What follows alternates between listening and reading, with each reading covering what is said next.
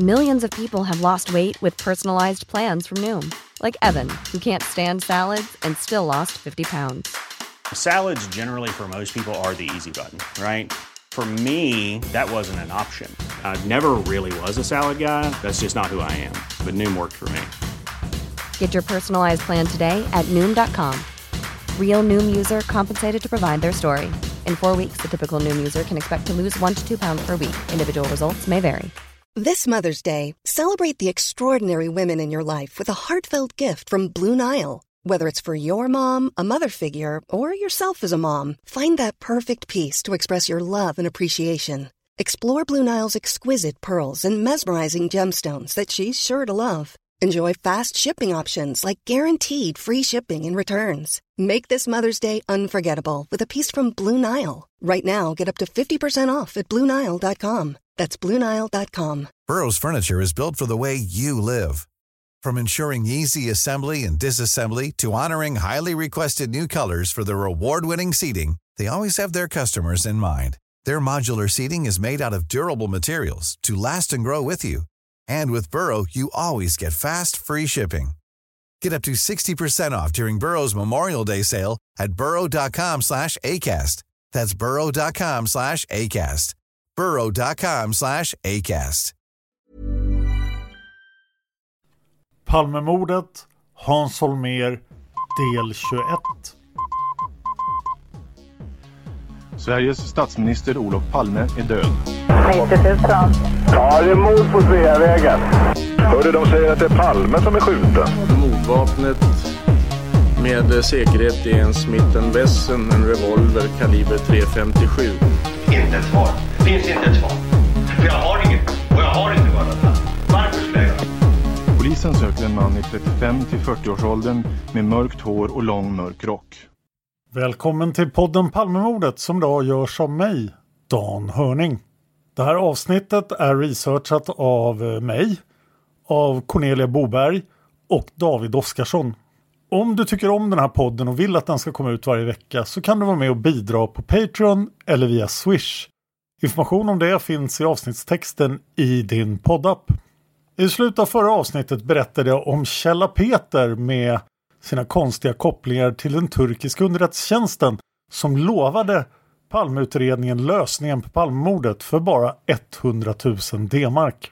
Källa Peter återvände till Köpenhamn någon vecka in i december och förhördes därefter av den danska polisen.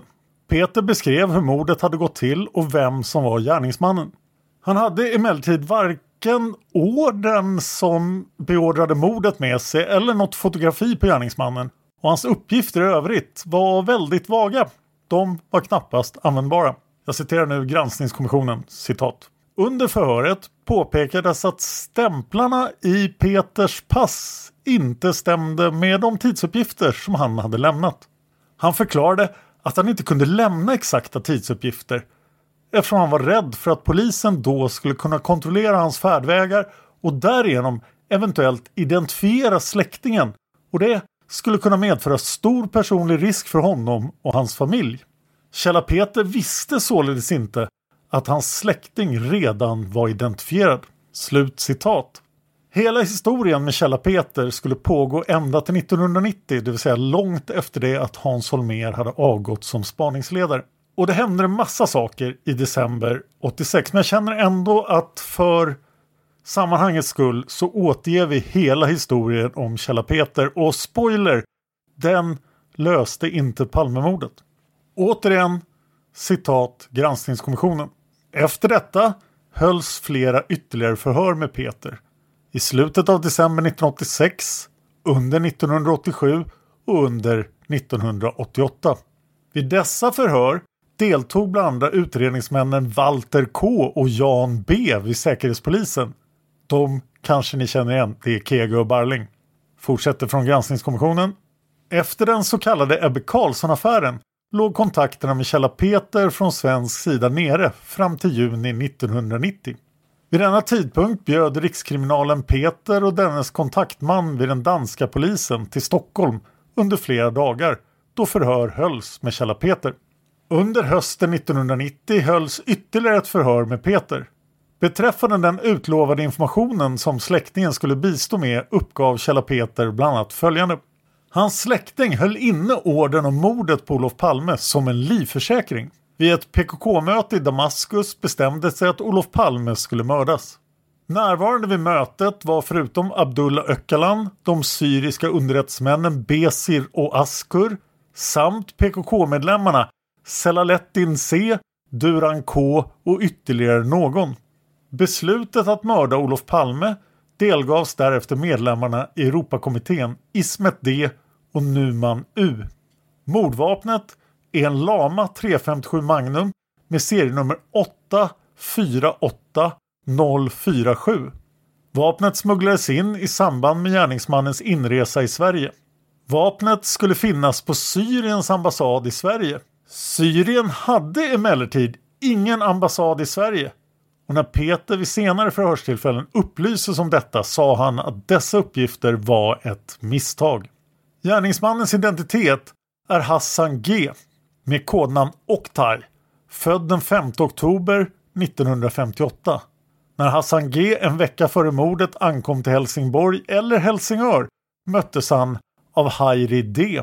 Hairi D förde sedan Hassan G till Stockholm där han inkvarterades hos en namngiven iransk armenier alternativt på syriska ambassaden, som alltså inte existerade, alternativt i Lamia B's lägenhet.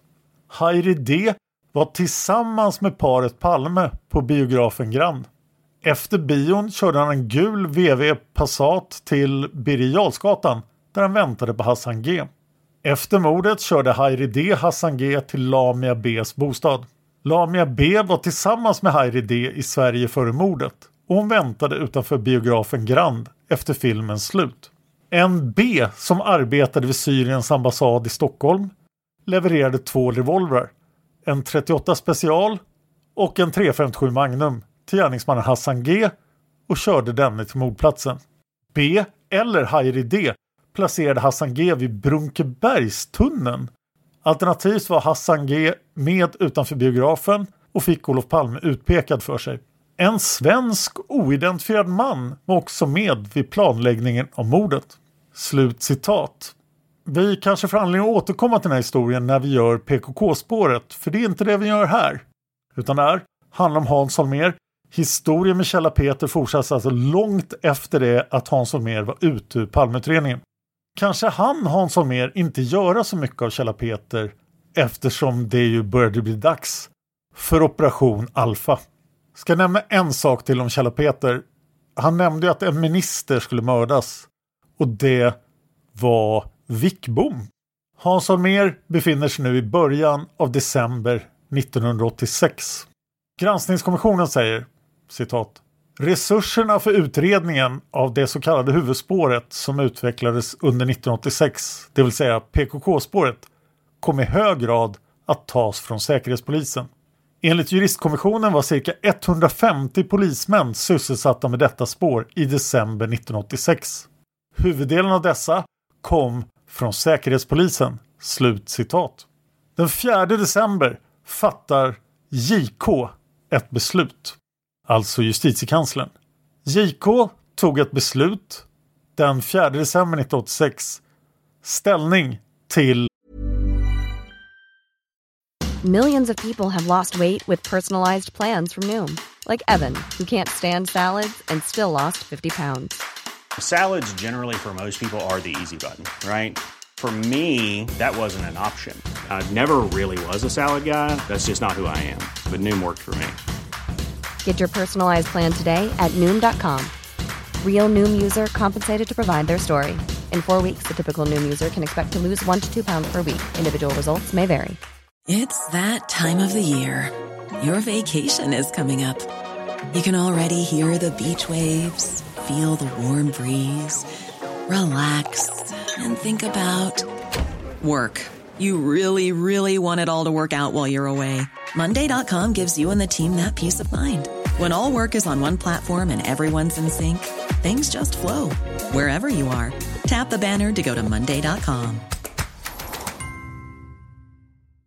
Flexibility is great. That's why there's yoga. Flexibility for your insurance coverage is great too. That's why there's United Healthcare Insurance Plans.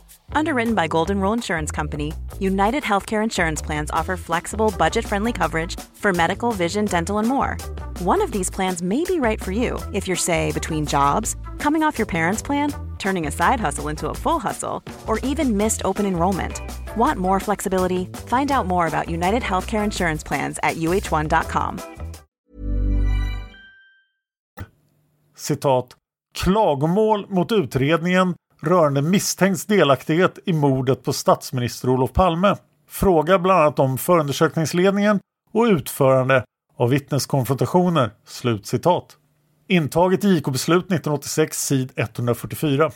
Granskningen var föranledd av att advokat Gunnar Falk, som var offentlig försvarare för Viktor Gunnarsson, i en skrivelse till JK hade framfört klagomål på handläggningen av polisutredningen mot Viktor Gunnarsson. Granskningskommissionen säger citat.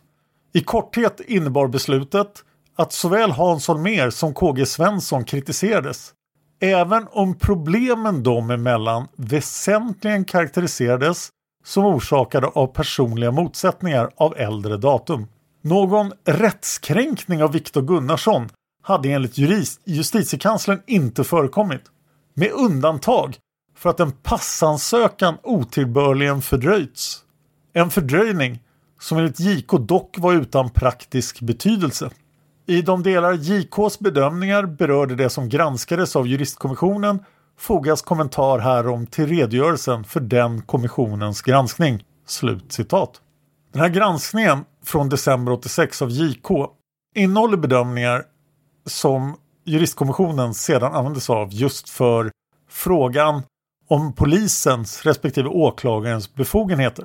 Gunnar Wall säger i mörkläggning citat Den 5 december nämnde Claes Seime i en TT-intervju att åklagarna snart skulle komma att lämna information om spaningsläget. I efterhand har Solveig Riberdal sagt att det var dumt av Seime att förvarna om detta. Vad hon syftade på var att Hans Holmér nu fick en chans att agera i förväg. Slut citat. Den 8 december uppmanade riksåklagaren Magnus Sjöberg i ett uttalande Hans Holmér att avgå som spaningsledare och återuppta sin tidigare yrkesroll som polischef. Justitiekanslern Bengt Hamdahl instämde med riksåklagaren. Kritiken mot Hans Holmér kom nu från ganska många håll. Och då blir det dags för Hans Holmér att vara med i TV. Det är den 9 december 1986 som Hans Holmér medverkar i Magasinet på SVT och påstår sig vara 95% säker på att huvudspåret kommer att leda till en lösning på Palmemordet. I programmet blev Hans Holmér utfrågad kring hans känslor gällande riksåklagarens och justitiekanslerns uttalande. Varvid Holmér svarade citat Ja, man vänjer sig vid uppmärksamhet men det är svårt att lära sig att tycka om att bli hängd. Slut citat. Journalisten Jan Mosander frågar Holmer i programmet citat. Ni har nu hållit på med den här utredningen i 284 dygn och sedan fem månader är ni inriktade på ett huvudspår. Hur säkra är ni på det huvudspåret? Hur säker är du? Slutcitat. Som svar på Jan Mosanders fråga svarar Hans Holmér citat om jag ska ange det i någon slags lättfattliga siffror så skulle jag väl säga att jag är 95% på att vi är rätt då. Slut citat. I Peter Dokumentärs serie om Hans Holmér berättas det att samtidigt sitter flera poliser ur spaningsledningen i polishuset och tittar på Holmers framträdande. Lyckligt ovetandes om vad Hans Holmér tänker säga. En av dessa är Hans Wranghult som senare berättade för P3 Dokumentär att Hans Holmérs uttalande inte stämde överens med den övriga spaningsledningens övertygelse. Wranghult berättar i P3 Dokumentär hur de gick i taket. Och det här är alltså Hans Holmérs närmaste man. Det här får det ju framstå som att PKK är Hans Holmérs huvudspår snarare än att det är polisens. Gunnar Wall har saker att säga om det här och det gör han i mörkläggning på sid 178. Citat. Den 9 december ser spaningsledaren också till att medverka i TV. Det är TV2s Magasinet. Det är där han gör sitt uttalande om att han är 95% säker på att huvudspåret är rätt fastän han inte riktigt vet vem som höll i vapnet. Vad som åsyftas med huvudspåret har tidningsläsarna fått klart för sig under hösten. Det som är nytt med Holmers framträdande är att han offentligt markerar spaningsledningens nära nog totala övertygelse. Han förbereder också det svenska folket på att man den närmaste tiden kan vänta sig en tung insats mot PKK-anhängarna i Sverige.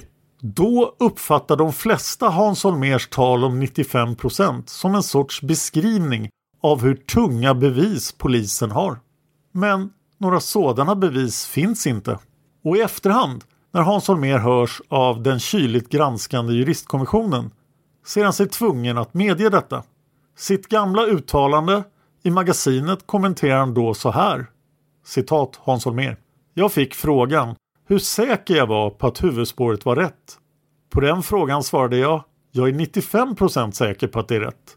Det innebär naturligtvis inte alls att jag har tagit ställning till någon bevisfråga eller indiciekraften i huvudspåret, utan det gäller min säkerhet i bedömningen. Vid den tidpunkten var vi kanske 10-15% upp på bevis eller indiciestegen. Slut citat Holmer fortsätter citera Gunnar Wall. På Holmer låter det som att varje sansad tv-tittare borde ha förstått att pratet om de 95 procenten inte alls hade med bevis att göra och att det i själva verket var långt ifrån styrkt att PKK låg bakom Palmemordet. Juristkommissionens utfrågare, departementsrådet Dag Viktor, svarar emellertid Holmer och säger att han i så fall själv missförstått dennes uttalande på den här punkten. Och det är inte heller underligt att just rättslärda personer tolkade spaningsledaren uttryckt sett som att bevisningen fanns som i en liten ask. För vanliga tv-tittare lät kanske talet om den 95-procentiga säkerheten som en snärtig formulering som Hans Holmér råkade ta till.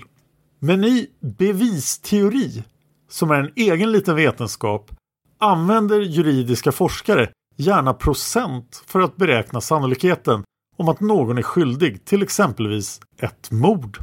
För en fällande dom i en svensk domstol ska det framstå som att någon är skyldig utom allt rimligt tvivel. I en ganska färsk vetenskaplig enkätundersökning bland svenska domare utförd under ledning av Hannu Tapani Klami, professor allmän rättslära vid Uppsala universitet, översatte de flesta denna fras just till 95% sannolikhet. Slut citat Gunnar Wall. Konflikterna med åklagarna späs på av att Claes Seime redan dagen efter, alltså den 10 december, förklarar i en tidningsintervju i Expressen att han citat anser att polisen är alltför optimistisk i sitt informationslämnande. Han kallar det desinformation. Han säger även att han inte fattar hur Holmer räknar sina procent. Dagen efter är det dags för försoningsmötet. Gunnar Wall berättar i mörkläggning på sid 179. Nu hotar motsättningarna att explodera inför öppen ridå. Och det är bakgrunden till att Sten Wickbom kallar till sig rikspolischefen Holger Romander, riksåklagaren Sjöberg, Hans Holmer och Claes Seime. De fem träffas den 11 december. Går man till Wickboms egen beskrivning av försoningsmötet som det kommit att heta kan man inte ana att det var särskilt dramatiskt. Han nämner att de olika parterna redogjorde för de oenigheter som varit, kanske framförallt när det gällde arbetssättet, men att de samtidigt förklarade att man såg möjligheter att överbrygga motsättningarna och att det nu förelåg förutsättningar för ett effektivt arbete. Seime, som för sin del kallar mötet det beryktade försoningsmötet, berättar att Wickbom inledde diskussionen med att insistera på att åklagare och polis skulle hålla sams i fortsättningen. Seime minns också att Wickbom förklarade att han hade två utkast till presskommuniké färdiga. Diskussionen fick visa vilket det blev. Den första varianten handlade om att parterna lovade att samarbeta och det var det alternativet Wickbom helst ville se, underströk han. Så blev det också. Wickboms variant nummer två blev aldrig preciserad. Seimes kommentar citat Efteråt önskar jag att jag skulle ha bett om att få se den andra versionen också. Så fiffig var jag inte och det ångrar jag nu. Vad hade de för alternativ om vi hade sagt att vi inte kunde samarbeta? Slutcitat. Seime fortsätter citera Gunnar Wall. Samma kväll bjuder justitiedepartementet hela spaningsledningen på källaren Aurora i Gamla stan och äter en bättre middag med tillbehör.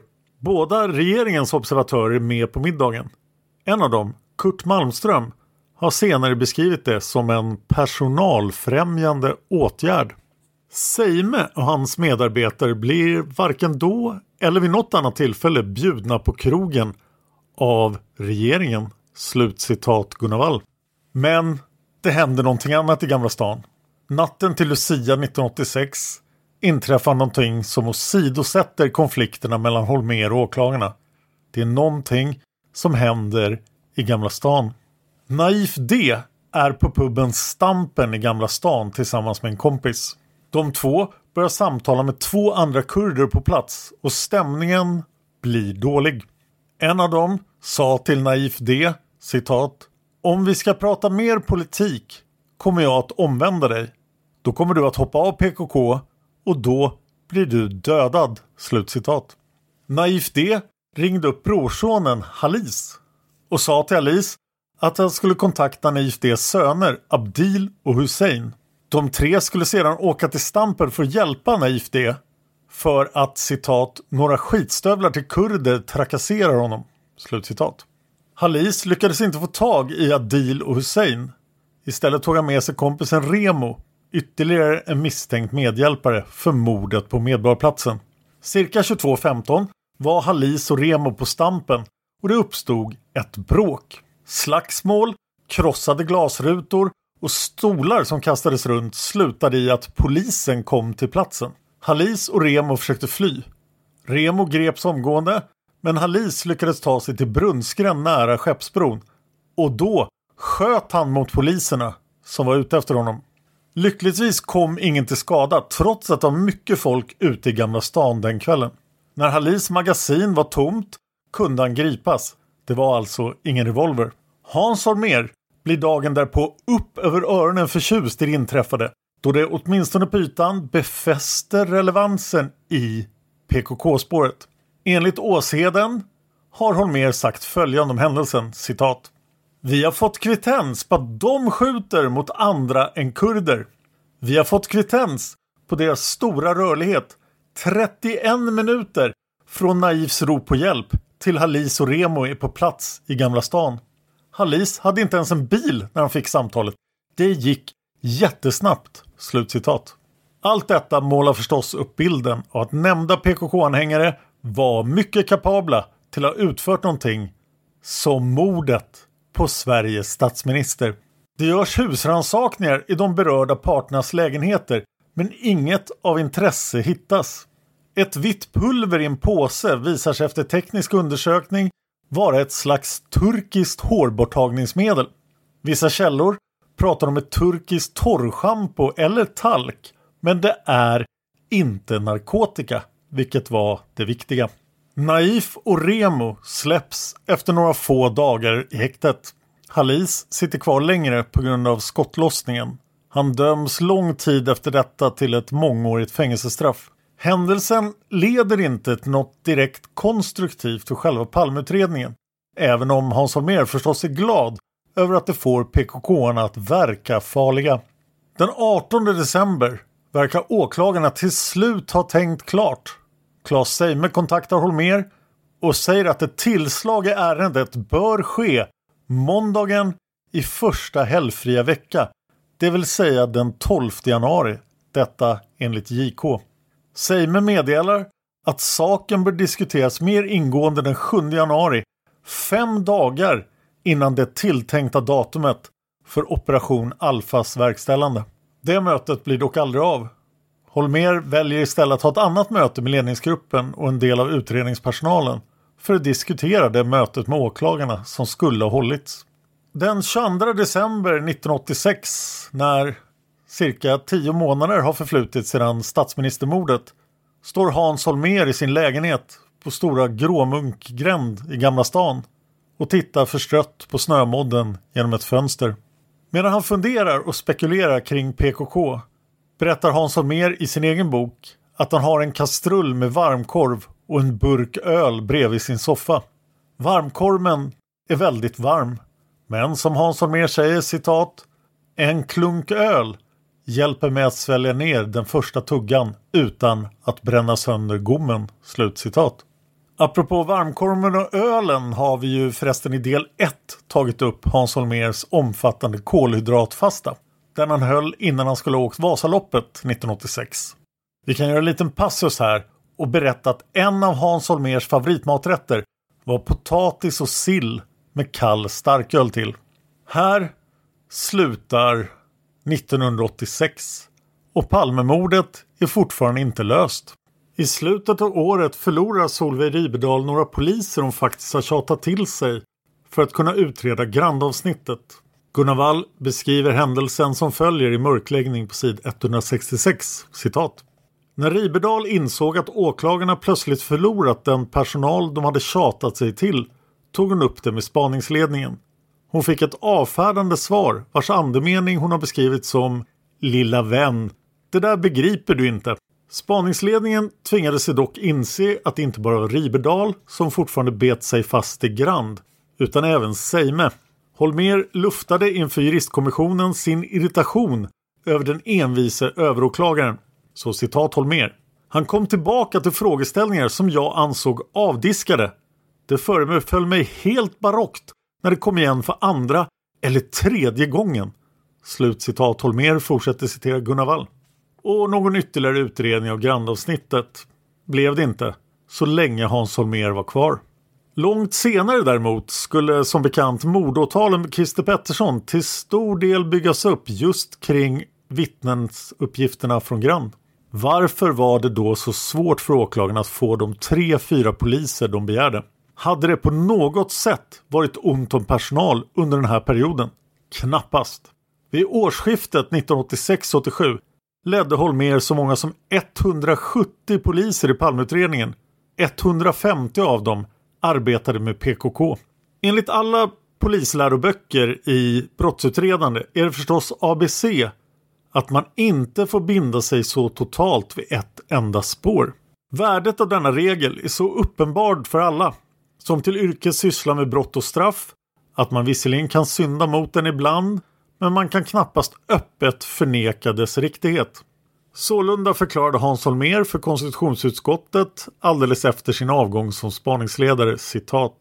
Ett av mina viktigaste strävanden under hela utredningen, framförallt under den första tiden, men ända till för några dagar sedan, har varit att hålla en bredd på utredningsarbetet. Att inte gå in på smalare alternativ eller någon favoritteori. Det har vi lyckats med. Slut citat. Fortsätter citera Gunnar Wall. Holmers uttalande kan bara beskrivas som en nästan parodiskt grov lögn. Frågan är bara hur kunde han gå i land med att driva mordutredningen på det märkliga sätt han gjorde? Slut citat Gunnar Wall. Mötet med åklagarna som skulle ha varit den 5 januari blir istället den 12 januari. Det datum som Seime tidigare hade föreslagit för det faktiska tillslaget i Operation Alfa. Under mötet den 12 januari ger åklagarna med sig och de går med på vissa av Palmeutredningens önskemål som de tidigare ställt sig tveksamma till. Det var detta möte som fick åklagaren Solveig Riberdal att senare fälla kommentaren om att det planerade tillslaget påminde henne om Pinochets uppsamling av motståndare på fotbollsplanen i Chile 1973. Och det är här, under detta möte den 12 januari 1987, som tidpunkten för tillslaget bestäms till den 20 januari, alltså bara åtta dagar senare. Man kan fråga sig varför åklagarna plötsligt gick med på Operation Alfa som de enligt egen utsago hade ansett vara vämjelig. Enligt vad som framkommit senare hade åklagarna pratat ihop sig om att låta Hans Holmér få som han ville så att allt till slut skulle vara över. De ska ha resonerat som så att när det skulle visa sig att spaningsledarens galna operation inte ledde till någonting skulle ledningen göras om och Palmeutredningen skulle kunna fortgå på ett korrekt och gynnsamt vis. Den 12 januari håller Hans Holmér sin näst sista presskonferens som spaningsledare. Dagen efter det, den 13 januari, har åklagarna ganska mycket att göra. Följande citat är från juristkommissionens granskning. Citat. Åklagarna planlägger det kommande tillslaget i detalj. Skriftliga beslut om tvångsmedel och direktiv för förhör upprättas den 13 och den 14 januari. Solveig Riberdal beslutar att åtta icke misstänkta personer ska hämtas till förhör och att sju ska hämtas till förhör och delges misstanke om brott. Tre av dessa ska delges misstanke om medverkan i mordet på Olof Palme. Tre personer anhålls i sin frånvaro misstänkta för medverkan i mordet på Medborgarplatsen. Vidare ska förhör ske med några personer som är intagna på kriminalvårdsanstalt eller eljest berövade friheten.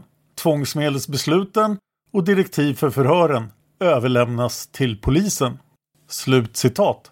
Den 15 januari 1987, nästa dag, händer någonting helt annat som många tror har att göra med Palmemordet. Dock inte Hans Holmér. Det är Karl Fredrik Algernon som omkommer när han faller framför ett tåg vid T-centralen i Stockholms tunnelbana. Omständigheterna runt hans död är lite märkliga. Det här är förstås någonting vi ska gå mycket mer i detalj in på när vi kommer till Boforsspåret. Och det här kommer inte att göra Hans Holmér mer intresserad av Bofors. Algernon är 61 år gammal när han dör. Wikipedia berättar citat vid den så kallade Boforsaffären i mitten av 80-talet då vapentillverkaren Bofors misstänktes för omfattande smuggling av krigsmateriel till otillåtna länder runt Persiska viken utsågs Algernon till utredare. Han var som sådan omstridd. Bland annat riktade Svenska Freds och skiljedomsföreningen skarp kritik mot honom och krävde hans avgång. Han anklagades bland annat för att alltför lättvindigt ha godkänt Bofors önskemål om vapenexport till främst Singapore. Stora delar av denna exporterade krigsmateriel misstänktes ha hamnat i de otillåtna länderna Förenade Arabemiraten, närmare bestämt Emiratet Dubai och Bahrain. Algernon sägs ha stått på god fot med Bofors verkställande direktör Martin Ardbo. Algernon omkom när han föll framför ett tåg vid T-centralen den 15 januari 1987. Tidigare samma dag hade Algernon haft ett möte med Nobels Industriers koncernchef Anders Karlberg. Under samtalet hade Karlberg berättat för Algernon om att en intern undersökning visat att det hade förekommit smuggling. Algernon hamnade då i en lojalitetskonflikt. Eftersom han var en nyckelperson i utredningen av Boforsaffären spekuleras det i att han hade blivit knuffad. Polisen valde även att inleda en brottsutredning då bland andra tågföraren bevittnat hur Algernon fallit baklänges ner på spåret. Kammaråklagaren lade ner utredningen den 11 mars 1987. Det fanns teorier om att Algernons död hade ett samband med Palmemordet. Stasi skulle ligga bakom att han hade blivit mördad. Slutcitat Wikipedia. Jag ville verkligen nämna den här incidenten här eftersom det är en så spännande historia i sig. Men som sagt, mer om det i Boforsspåret. Nu är det alltså fem dagar kvar till Operation Alfa. Och stämningen börjar bli väldigt förväntansfull i spaningsledningen. I protokollet från eh, spaningsledningens möte den 15 januari klockan 17 kan man läsa citat. Hans Holmér upplyser att han har varit i kontakt med överåklagare Seime idag för att försöka få en förlängning på telefonkontrollen för tiden lördag till tisdag. Avsikten med detta var att försöka underlätta för spanarna och framförallt för att försöka göra så mycket som möjligt för att garantera spanarnas säkerhet. Dessa motiv framfördes för Seime. Vid tidigare överläggningar har polisen framfört åsikten att har telefonkontrollen pågått i tio månader så kan den ju fortsätta ytterligare några dagar. Efter att Holmer framfört sina synpunkter så sa Seime att åklagarna skulle fundera på saken. Efter cirka en halvtimme återkom Seime och meddelade att citat, vi kan inte behandla tingsrätten på det här viset, hålla på och hatta fram och tillbaka, slut citat. Small details are big surfaces. Tight corners are odd shapes. Flat, rounded, textured or tall. Whatever your next project, there's a spray paint pattern that's just right. Because Rust new Custom Spray 5 in 1 gives you control with five different spray patterns. So you can tackle nooks, crannies, edges, and curves without worrying about drips, runs, uneven coverage, or anything else. Custom Spray 5 in 1.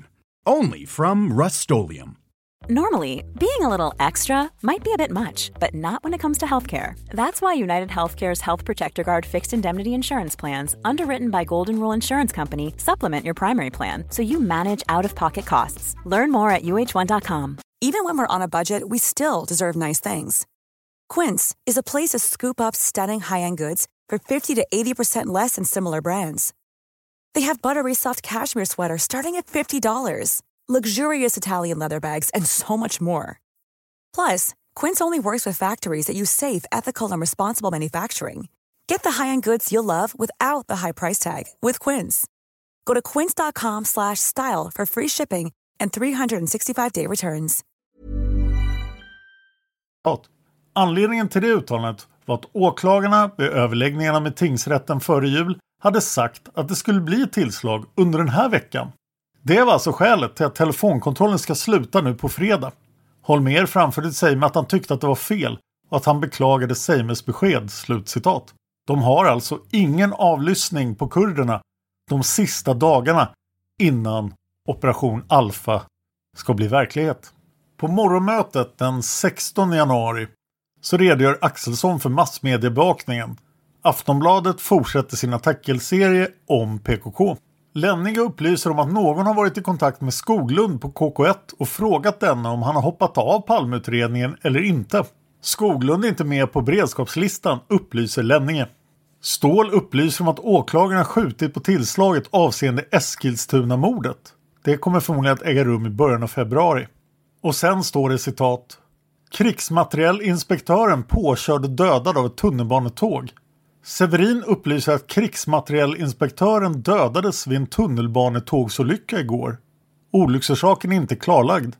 Diskussion följer om olyckan. Slut citat. På söndagen den 18 januari har ledningsgruppen ett möte klockan 15.00 i Palmerummet.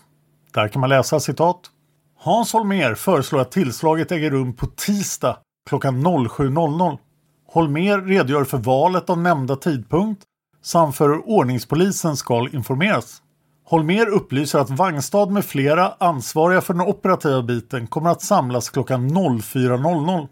Personalen i ledningsgruppen kommer att samlas i Palmerummet klockan 06.00 till 06.30. Holmer påpekar att det kan finnas journalister som känner till tillslaget och att fotografer eventuellt bevakar aktuella tillslagsplatser. Holmer upplyser att omedelbart efter tillslaget kommer ett Interpol-meddelande att sändas ut och UD kommer att underrätta svenska utlandsmyndigheter. Distrikten i länet ska underrättas om det här men det får avvakta beroende på pressens kännedom om tillslaget. Förmodligen kommer en pressinformation att äga rum under tisdags eftermiddagen upplyser Holmer. Holmer efterlyser frågor och synpunkter på tidpunkten för tillslaget. Det blir en diskussion om valet av tidpunkt samt om eventuell massmediebevakning beslutas att tillslaget ska ske på tisdag klockan 07.00. Wranghult undrar hur skyddet för den ingripande personalen är ordnat. Wangstad redogör för det aktuella skyddet. Diskussion om nyttjandet av piketstyrkorna. Holmer beslutar att sexturens bilar får bevaka aktuella platser. Wangstad påpekar att lägenhetsskisser ska överlämnas till span. Lange åtar sig att ombesörja detta. Holmer undrar vilken tidsfaktor vi måste räkna med om det läcker ut till pressen. Hägglund, Lange och Lenninge är överens om att två timmar behövs innan tillslaget kan äga rum i ett sådant fall. Diskussion följer om alternativa tidpunkter för tillslaget. Ståhl undrar vem som håller kontakten med Interpol.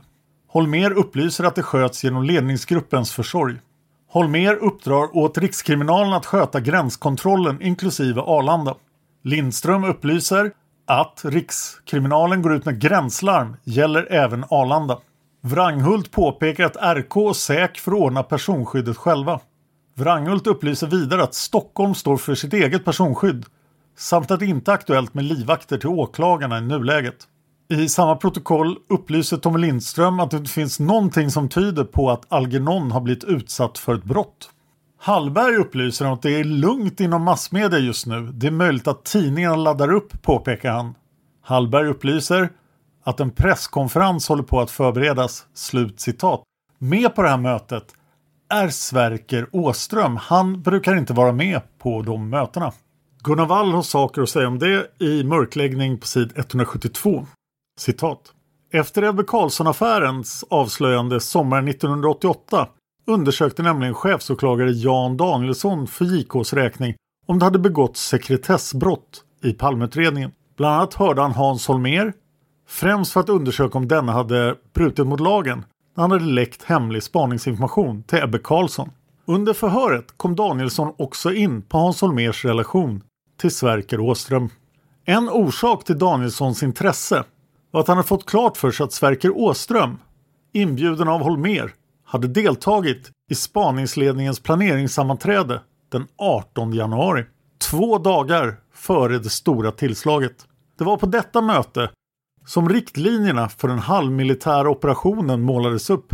Den som enligt Holmers ritningar skulle bli upptakten till åtal och utvisningar och därmed bli Palmemordets officiella uppklarande. Under alla omständigheter var det lite märkligt att en diplomat som Sverker Åström var med i ett sådant sammanhang. Men framförallt var det illa om hans närvaro på det sekretessomgärdade mötet bara berodde på att han var Holmers personliga vän och förtrogne. Slut citat. Måndagen den 19 januari klockan 10 håller spaningsledningen ytterligare ett möte, dock utan Sverker Åström. I protokollet kan man läsa citat. Holmer upplyser att det inte finns någonting i dagens tidningar. Holmer påpekar att ledningsgruppen önskar besked om det är så att journalister och fotografer finns på plats vid tillslaget. Holmer upplyser att han och Wranghult ska träffa Seime efter mötet och diskutera hur presskontakterna ska förmedlas imorgon. Hallberg påpekar att pressenheten kommer att få ett behov av information i ärendet. De kommer därför att ställa frågor till berörd personal för att hålla sig informerad. Detta görs inte för att kunna lämna information till pressen utan det gäller att vi själva får den information som är nödvändig, påpekar Hallberg. Utsättning för span och KKT-personalen. Hägglund upplyser att utsättning kommer att äga rum klockan 05.30. Och det här förefaller vara spaningsledningens sista möte innan Operation Alfa. Och den ska vi ta i nästa avsnitt i serien om Hans Holmér. Jag finns på Twitter, Youtube och Instagram. Jag heter Dan Hörning, så är lätt att hitta. Om du tycker att min röst är sövande så testa att somna till den. Det finns nämligen en podd som jag gör som heter Sova med Dan. Där jag försöker hjälpa folk att somna genom att vara så tråkig som möjligt. Jag vet att massor av folk somnar till Seriemördarpodden. Men jag är inte säker på att ni somnar. Men om du behöver hjälp att sova, testa och lyssna på Sova med Dan. Där jag bland annat pratar om intressanta ämnen som deklarationsblanketter, Vasaloppet, curling och ekorrar. Massor av dokumenten som jag använt som källa för det här finns på palmemordsarkivet.se. Gå gärna dit och titta. Där finns allting som Facebookgruppen FUP och övriga handlingar har fått ut från Palmeutredningen. Jag vill jättegärna ha iTunes-recensioner på den här podden. Om du lyssnar på ett Apple device, ge gärna en recension. Och jag kommer att läsa upp alla recensioner i podden. Jag har gjort det förut och jag kommer att fortsätta med det. Vi försvann ju från Facebook för ett tag sedan och då kan jag möjligtvis ha förlorat några av era bokrecensioner. Vi kommer i den här serien att gå in på Hans Holmers författarskap. Om du vill vara med och recensera någon av Hans Holmers böcker, mejla din bokrecension till podden Palmemordet gmail.com. Det är ju poddens officiella mejl, så dit kan du mejla angående allt som har med podden att göra. Podden Palmemordet gmail.com. Om du vill diskutera Palmemordet med likasinnade och har teorier etc. så gör det gärna på Facebook. Till exempel i Facebookgruppen Studio Palmemordet. Eller om du är lite mer hårdhudad i Palmerummet. Den här serien kommer att fortsätta fram till dess att Hans Holmér dör. Han är ju tyvärr inte i livet idag. Han hade varit en intressant gäst i podden. Så vi kommer att skildra Hans Holmérs liv fram till att det slutar. Men det här är också en del i en serie som heter Spaningsledarna. Så vi kommer att ta upp i nästa avsnittsserie i den serien Ulf Karlsson. Om honom finns det definitivt inte lika mycket information. Om du har någon information om Ulf Karlsson som spaningsledare för Palmeutredningen så kan du mejla den också och tipsa oss till podden palmordet.gmail.com. Till sist vill jag tacka alla som sponsrar den här podden via Patreon eller via Swish. Uppgiften om hur du gör det finns i avsnittstexten. Det är oerhört värdefullt för oss att ni bidrar till podden. Det gör att vi kan fortsätta komma ut vecka efter vecka. Så tack så jättemycket för det. Jag vill också tacka Lukas för musiken. Jag vill tacka expertgruppen, vår jurist och våra researchassistenter. Tack speciellt till Cornelia för hjälpen med det här avsnittet. Tack till David Oskarsson som skrev det ursprungliga manuset för Holmer-serien. Och ett stort tack till Tobias för alla bra avsnitt han gör i den här podden. Jag letar fortfarande efter frivilliga som vill göra avsnitt av Palmemordet så hör av dig till podden palmemordet.gmail.com om du tror att du kan det. Det kräver förstås en hel del erfarenhet av att göra podd. Till sist, tack till dig för att du lyssnar på Palmemordet. Man hittar Palmes mördare om man följer PKK-spåret till botten. Därför att ända sedan Julius Caesars tid har jag aldrig hört talas om ett mord på en framstående politiker som inte haft politiska skäl. Polisens och åklagarens teori var att han ensam hade skjutit Olof Palme. Och det ledde också till rättegång. Men han frikändes i hovrätten.